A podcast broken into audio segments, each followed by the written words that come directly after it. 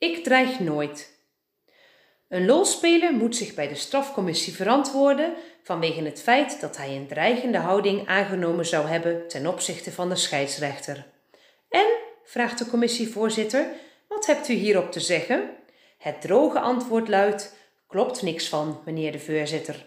Ik dreig nooit. Ik sloor er altijd meteen op.